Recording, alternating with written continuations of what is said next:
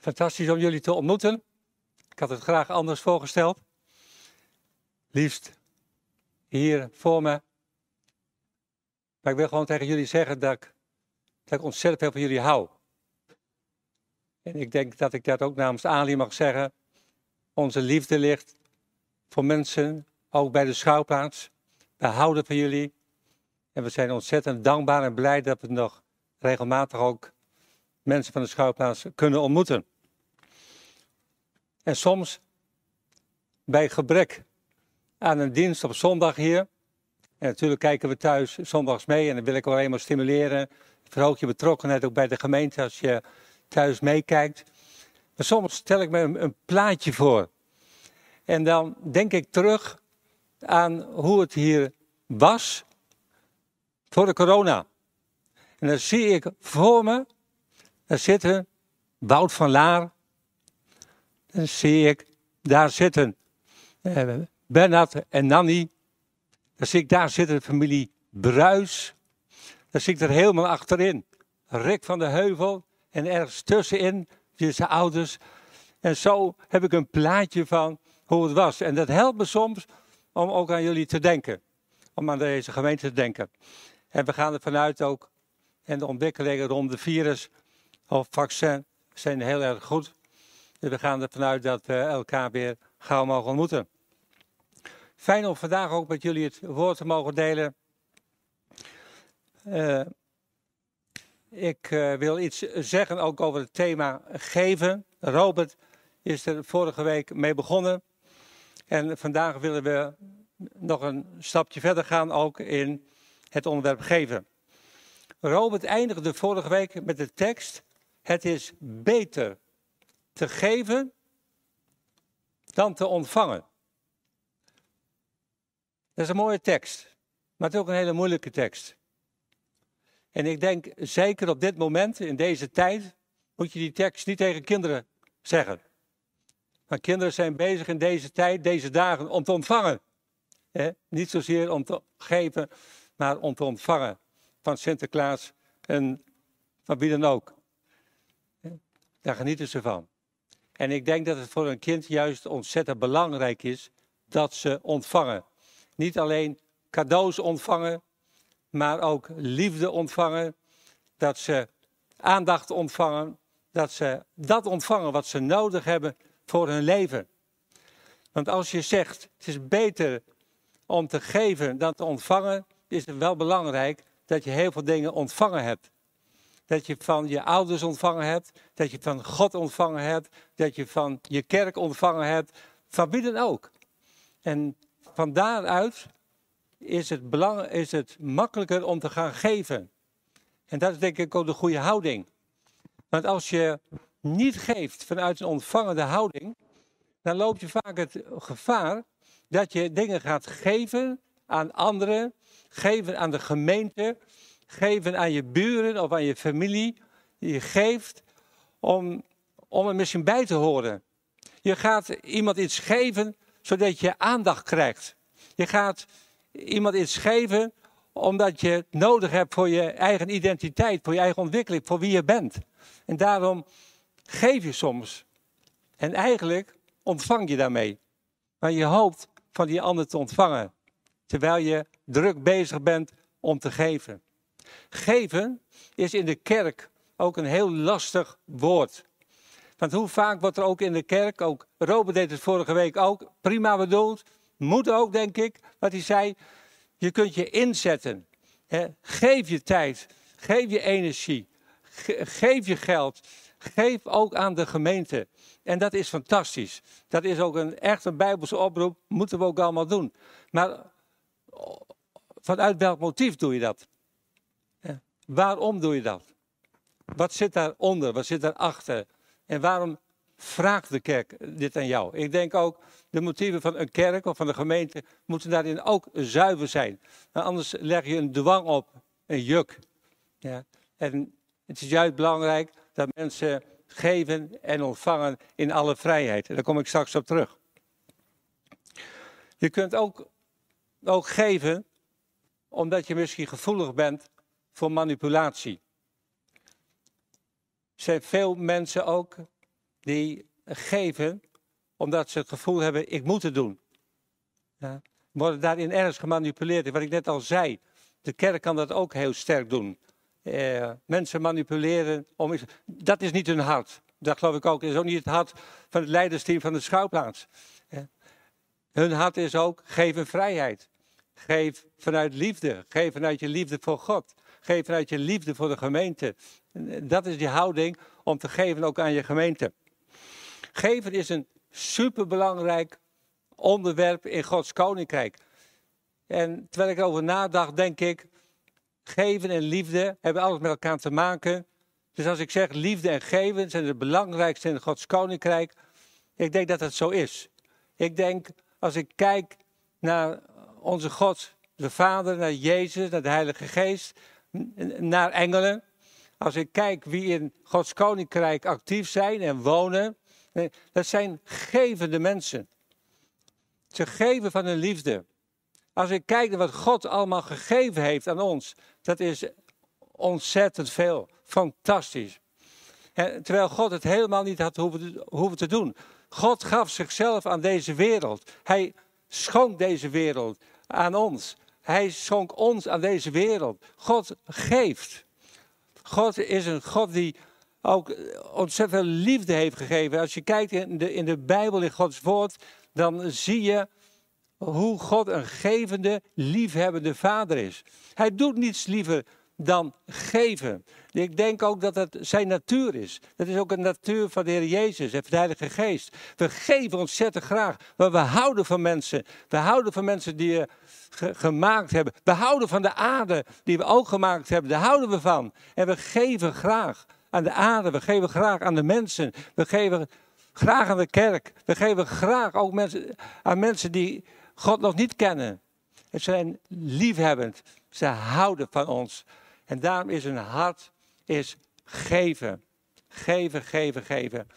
En als we dan het hebben over kerst, en dan denk je automatisch alweer aan Pasen.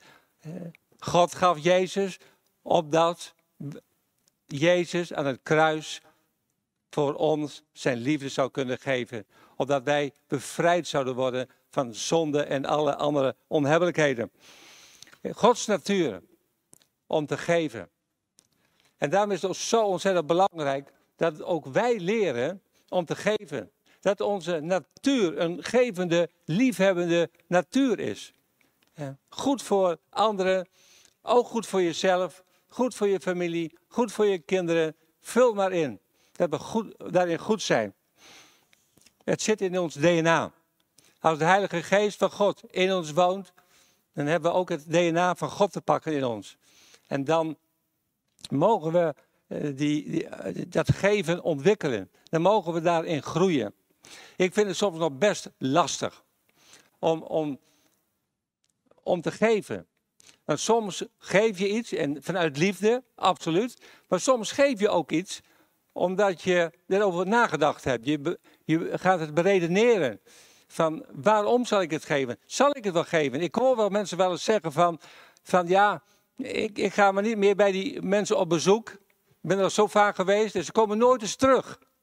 Ja, dat is eigenlijk, je, je geeft je aandacht, maar onder een bepaalde voorwaarde. En zo kun je heel veel dingen ook geven van jezelf met, met een bepaald recht. Ik heb er ook recht op. Terwijl je dan misschien dan niet geeft vanuit een stukje onbevangenheid. En dat wil ik ook zelf leren. Ik had van de week een heel mooi voorbeeld. En dat wil ik graag met jullie delen. Wij hebben met onze kinderen en onze kleinkinderen hebben gisteren Sinterklaasfeest gevierd. En we hadden als opdracht gekregen van tevoren, nou, koop een paar sokken voor degene die je getrokken hebt. Voor degene die je mag verrassen. Voor degene die ook een, ook een gedicht van jou moet ontvangen. Koop een paar extravagante, creatieve, fantastische sokken. Ik heb ze ook gekregen, ik heb ze niet aan.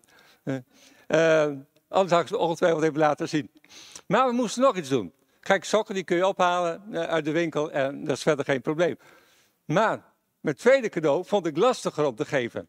Dat was namelijk, geef elkaar een boek uit je eigen boekenkast. Dus ik moest een boek pakken uit mijn boekenkast voor degene die ik getrokken had. En er moet natuurlijk een boek zijn wat voor die ander heel belangrijk is. je kunt alles geven, maar als de ander niet geïnteresseerd is in het boek, dan heeft de persoon er niks aan. Dus ik, heb, stond daar een eh, tijd lang in. Ik heb veel boeken. Ik heb tijd lang voor die boekenkast gestaan. En ik denk, welk boek zal ik nou geven? Want die boeken betekenen veel voor mij. Ik ben eraan gehecht. Uh, aan de meeste boeken zit een verhaal vast. Dus ik ben zo gehecht aan mijn boeken. En omdat een van mijn boeken waar ik zo aan gehecht ben, om die weg te geven, vind ik moeilijk. En op een gegeven moment kwam Ali naast me staan, mijn vrouw. En die zegt, joh, ik heb een, ik heb een boek voor jou. Als Ali nu kijkt, dan lacht ze, denk ik. Want uiteindelijk is het een boek geworden uit haar boekenkast en niet uit mijn boekenkast. Ja. Dus zij heeft een boek aan mij gegeven, wat ik vervolgens nog. Maar goed, eh, ik ga uit van de gedachte: man en vrouw zijn één. Dus eh, onze boekenkasten, die delen we dan ook maar. Uh, maar goed, dat, is, dat boek is uh, gelukkig goed ontvangen, goed gearriveerd. En ik hoop dat de lezer er veel plezier in heeft. Maar weet je, dat zijn soms van die kleine dingen. Je, je bent eraan gehecht. En later, ik, heb, ik had een cadeau al ingepakt, gedicht gemaakt. En ik, ik, dan baal ik van mezelf achteraf. En denk, gat, waarom ben ik nou zo gehecht aan zo'n boek? Waarom ben ik nou gehecht hieraan, daaraan? Je kunt er zoveel dingen gehecht zijn en moeilijk afstand even doen. Sommige dingen die, die je hebt, die in bezit zijn, zeggen iets over jou. Betekenen ontzettend veel voor jou.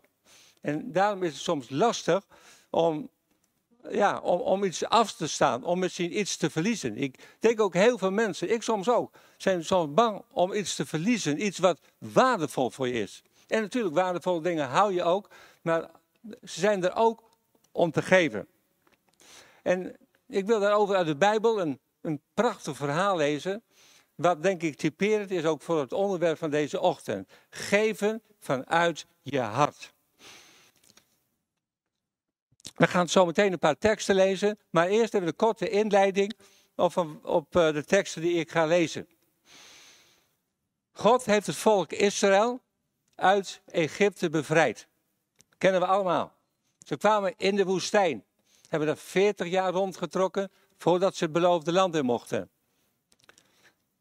Tijdens die reis ja, is het volk nogal opstandig. Ze hebben het ook vaak moeilijk. Heel veel dingen zitten tegen. En heel veel dingen wordt ook niet voorzien, of is niet voorzien. God grijpt gelukkig in. Ja. Maar tijdens die reis waarin het volk het zo moeilijk heeft, lastig vindt, zegt God ineens, waarschijnlijk niet ineens, maar goed voorbereid, ik ga te midden van mijn volk wonen. Hij heeft ze alles al van alles gegeven. Hij heeft in heel veel dingen voorzien. Waar ze tekort in hadden. Brood, vlees, water. Zoveel dingen hebben ze ontvangen van God. En dan zegt God, in die moeilijke situatie, ja, van in die woestijn, zegt God, ik ga bij hun wonen. Ja. Bijzonder. Vind ik heel bijzonder. Je mag het ook, ook naar deze tijd vertalen. Ook in deze wereld, waarin het soms moeilijk is, ook voor christenen, om hun ding te doen, om christen te zijn, om hun geloof te beleven, wil God ook onder ons wonen. hij wil zichzelf daarin geven. Hij komt naar die moeilijkheden toe. Hij, hij komt naar jou toe met je moeilijkheden. Hij komt naar de kerk toe in haar moeilijkheden. Hij kwam naar het volk Israël toe, ook in hun moeilijkheden. En hij liet, hij gaf Mozes de opdracht om een tabernakel te bouwen. Een tempel waar God wilde wonen. In dit geval een mobiele tempel want er moest mee gereisd kunnen worden. En God had er een prachtig plan voor bedacht. God had een masterplan bedacht voor hoe hij wilde wonen onder het volk. En dat plan gaf hij aan Mozes.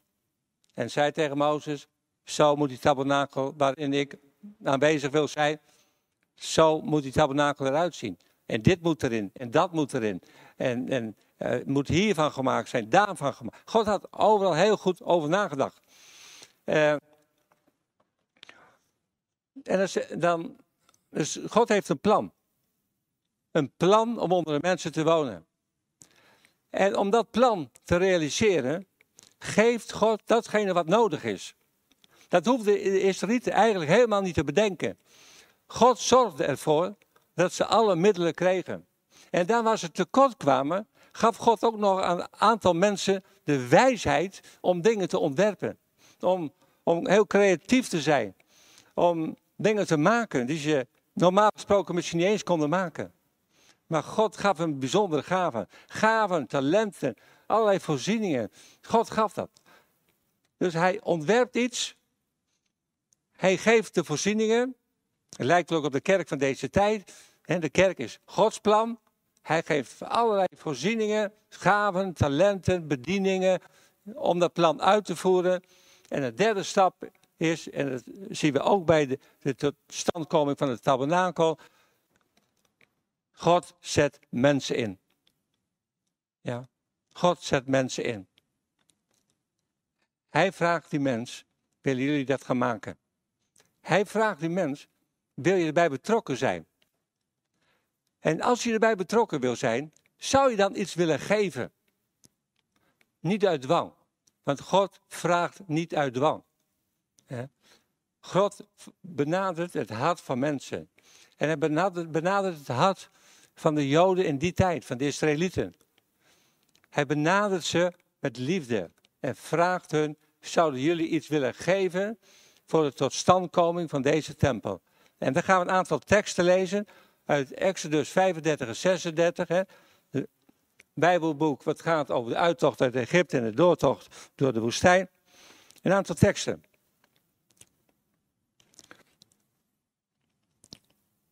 Eerst uit Exodus 35, vers 5. Ik begin bij 4. Mozes zei tegen de Israëlieten: De Heer draagt u op hem geschenken te geven. Dat is geen dwangvraag, maar hij vraagt hun: Wil je geschenken geven? Dan vers 20 en 22. Hierop gingen de Israëlieten uiteen en ieder die daartoe van harte bereid was, kwam bij Mozes terug met een geschenk voor de Heer als bijdrage voor de vervaardiging van de ontmoetingstent, de inrichting daarvan of de heilige kleding. Alle mannen en vrouwen die bereid waren de Heer iets van goud af te staan, kwamen sierspel, nou, enzovoort, enzovoort. Ze gingen van harte, ze waren van harte bereid om te voldoen aan, aan die vraag van God. Willen jullie een bijdrage leveren? Wil je iets geven vanuit je hart voor mij? En, ook als je kijkt naar de vertaling van wat hier staat, in, in, in de grondtekst, wat hier staat bij van harte bereid, dan staat daar met een vrij hart. Met een vrij en open hart. En dat betekent dat de Joden toen, toen die vraag gesteld werd van God, dat ze een vrij en een open hart hadden. Ze hadden geen voorwaarden, ze waren denk ik niet meer boos, ze waren niet meer teleurgesteld, maar ze hadden een vrij en een onbevangen hart. En met dat hart konden ze geven aan God. En ik denk dat ze super enthousiast waren over dit plan van God. Moet je nagaan. Moet je je voorstellen. God zegt tegen jou, ik kom bij je wonen. Ja. Dat is niet alleen een idee, maar God wil het. God wil bij jou wonen. God wil in deze maatschappij wonen, in onze tijd. Zoals hij toen ook wilde wonen in die tabernakel. Zijn wij daar nog blij over? Zijn wij daar nog dankbaar voor? Dat God onder ons wil wonen. Dat God in mij wil wonen. Onder andere door zijn Heilige Geest. Nou, de Israëlieten waren ontzettend blij in dit verhaal. Ontzettend dankbaar dat God kwam. En dat God zijn liefde gaf aan hun. Laten we eens verder lezen. Vers 29. Alle Israëlieten, mannen zowel als vrouwen, die bereid waren iets af te staan voor de werkzaamheden waartoe de Heer Mozes opdracht had laten geven, brachten de Heer vrijwillig geschenken. Zonder dwang. maar vrijwillig. En dan tot slot, Exodus 36, vanaf vers 3b. Zijn namen van Mozes alle geschenken in ontvangst die de Israëlieten voor de bouw van het heiligdom gebracht hadden. Men bleef vrijwillig gaven brengen. Iedere morgen weer. Iedere dag kwamen de Israëlieten weer naar de plek waar ze de geschenken moesten afgeven, kwamen ze weer terug. Iedere Totdat de vaklieden die aan het heiligdom werkten hun werk onderbraken. En ze Mozes lieten weten dat de mensen veel meer bijeenbrachten dan nodig was voor het werk waartoe de Heer opdracht had gegeven. Op bevel van Mozes werd toen overal in het kamp bekendgemaakt dat geen enkele man of vrouw nog iets voor het heiligdom hoefde te maken. Daarna bracht het volk geen geschenken meer. Er was meer dan voldoende materiaal om al het werk te kunnen uitvoeren. Fantastisch.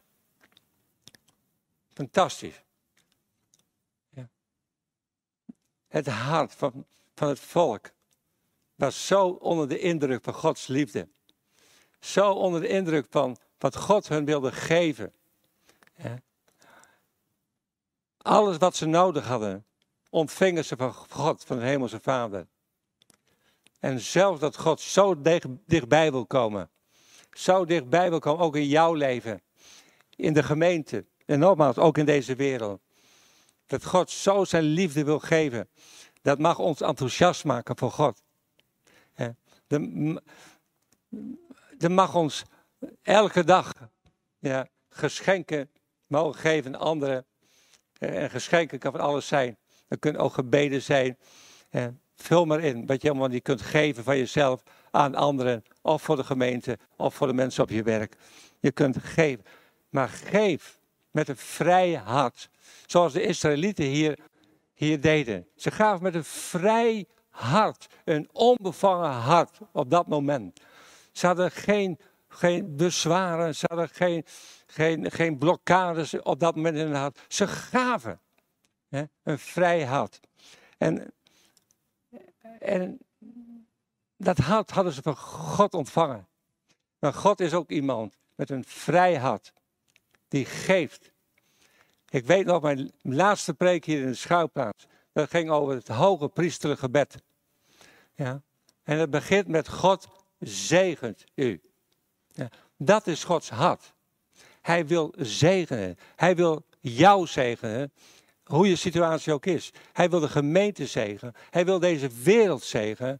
Hij is een God die wil zegenen. Wil, hij wil geven van zijn liefde. Hij wil geven van alles wat er in het koninkrijk beschikbaar is voor ons.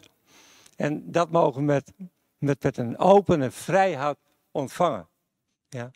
Je, mag, je mag met een vrij hart naar God toe gaan. Zeg, Heere God, ik heb dit en dat nodig. En weet je, het is aan God om te geven. God is geen Sinterklaas. Sinterklaas houdt wel van kinderen, maar heeft geen relatie met zijn kinderen. Met de kinderen aan wie hij geeft. En God wel. God is het God die een relatie heeft met iedereen van ons. Hij wil een relatie met iedereen. En in die relatie wil hij geven wat je nodig hebt.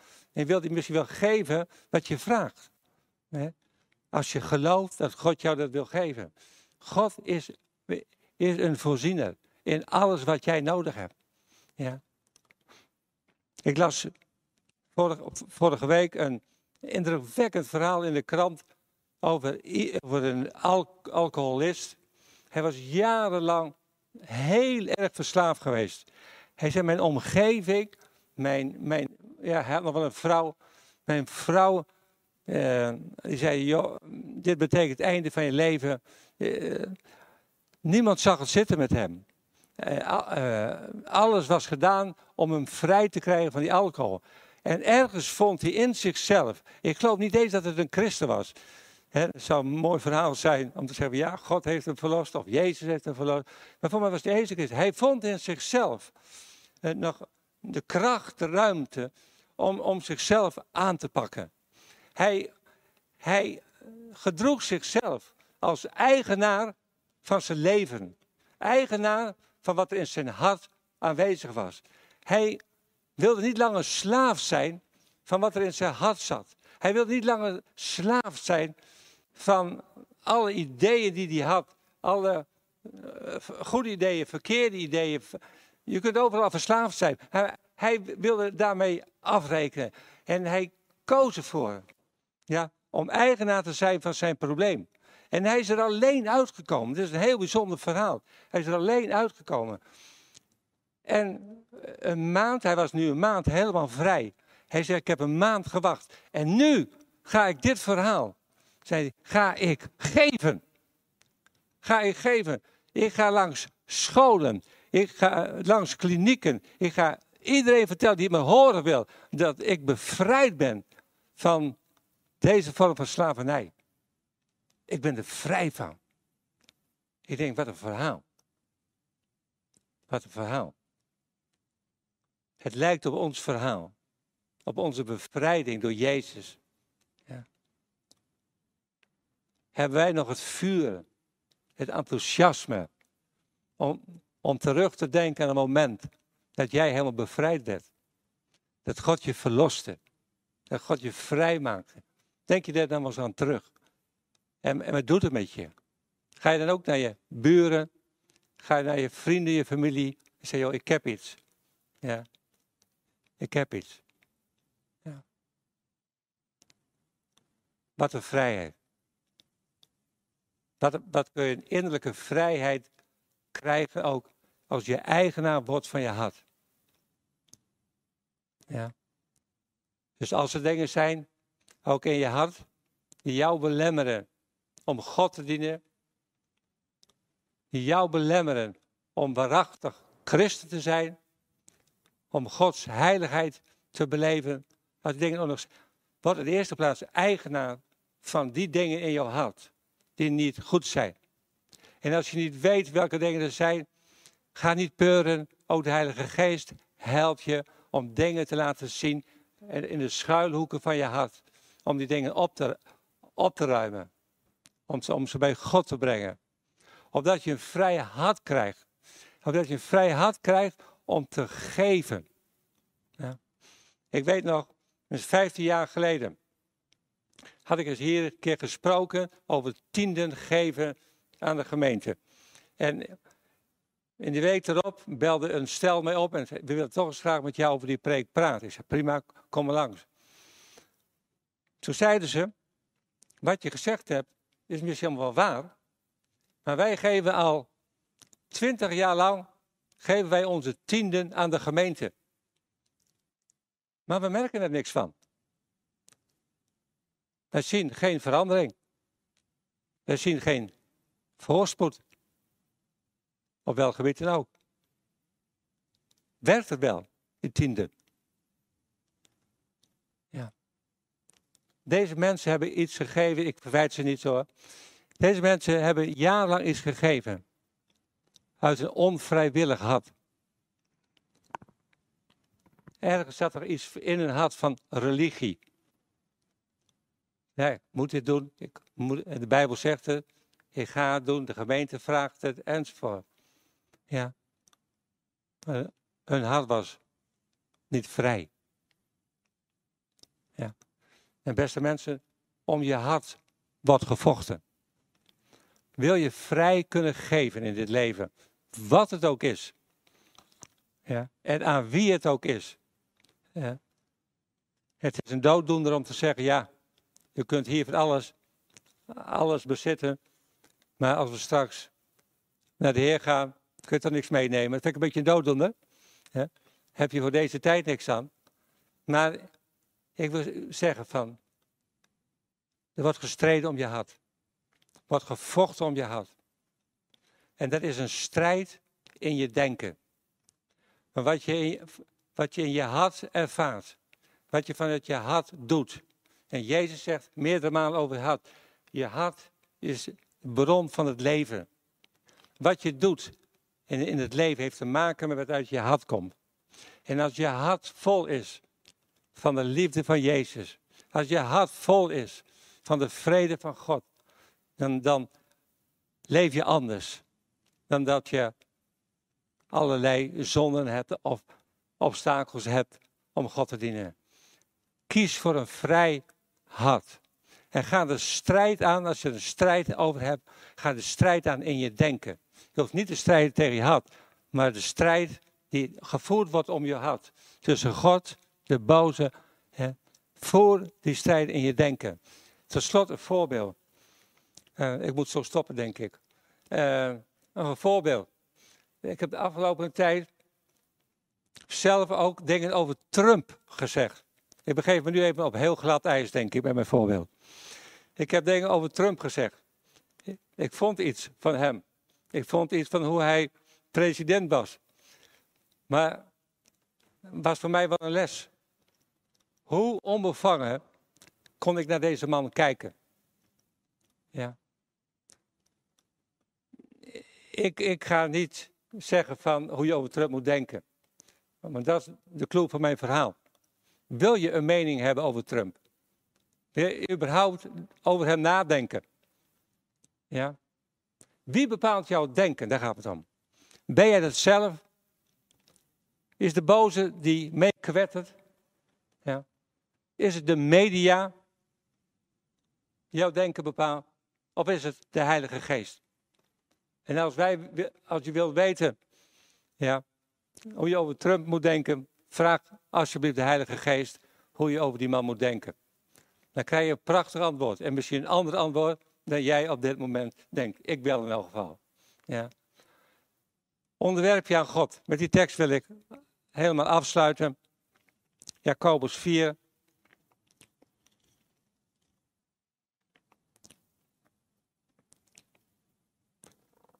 Vers 7. Onderwerp je dus aan God. En verzet je tegen de duivel. Dan zal die van u wegvlieden. Nader tot God. Dan zal hij tot u naderen. En die, laatste twee stukjes zijn ook heel mooi. Reinig uw handen, zondaars. Nou, je bent geen zondaar meer, dus dat heb je gedaan. Zuiver uw hart, wijvelaars. Ontzettend belangrijk. Voor je relatie met God, voor je relatie met mensen. Voor een hart van geven. Ja. Dat je vrij uitgaat. Dat je vrij bent. Ja. En dat je God met heel je hart dient. En dat je nederig de weg met God kunt gaan. Ja. En dat wens ik jullie toe. Ik ga nog jullie bidden. Kort. Lieve vader, dan bent u een goede, een gevende vader. U houdt ontzettend veel van ons. En daarom geeft u aan ons. Daarom geeft u vanuit uw liefdevol hart. Vader, in de eerste plaats willen we u bedanken voor die enorme liefde. We danken u voor uw genade. We danken u voor alles wat we elke dag weer mogen ontvangen. En ik bid, Heer, voor elke broer of zus, die ook, en voor iedereen die ook naar deze dienst kijkt, Vader, dat ze ervaren dat u een God bent die niet dwingt, maar een God die geeft vanuit liefde. En ik wil jullie ook allemaal zegenen met, met een vrij hart. Een onbevangen hart. Dat gericht is op geven van alles wat je ontvangen hebt van God. Wees zo gezegend in Jezus' naam. Amen.